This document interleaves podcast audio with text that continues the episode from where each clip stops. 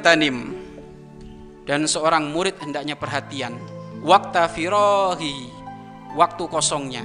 Perhatian memanfaatkan benar waktu kosongnya. Jangan nganggur bengong ngitung langit terus kapan jatuh kapan jatuh kapan jatuh. Jangan kalau enggak senantiasa ngelihat di balong terus balong ya juga kayak gitu masih aja ditontonin Hah?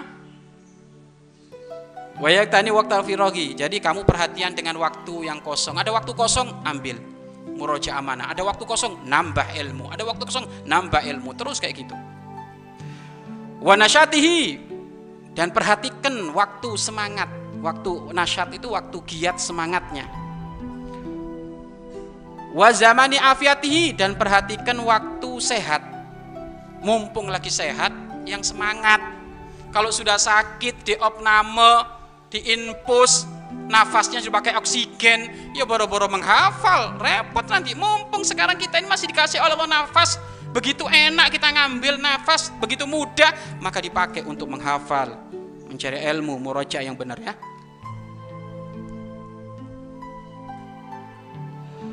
wasyarhi syababihi yakni waktu masih permulaan masa muda.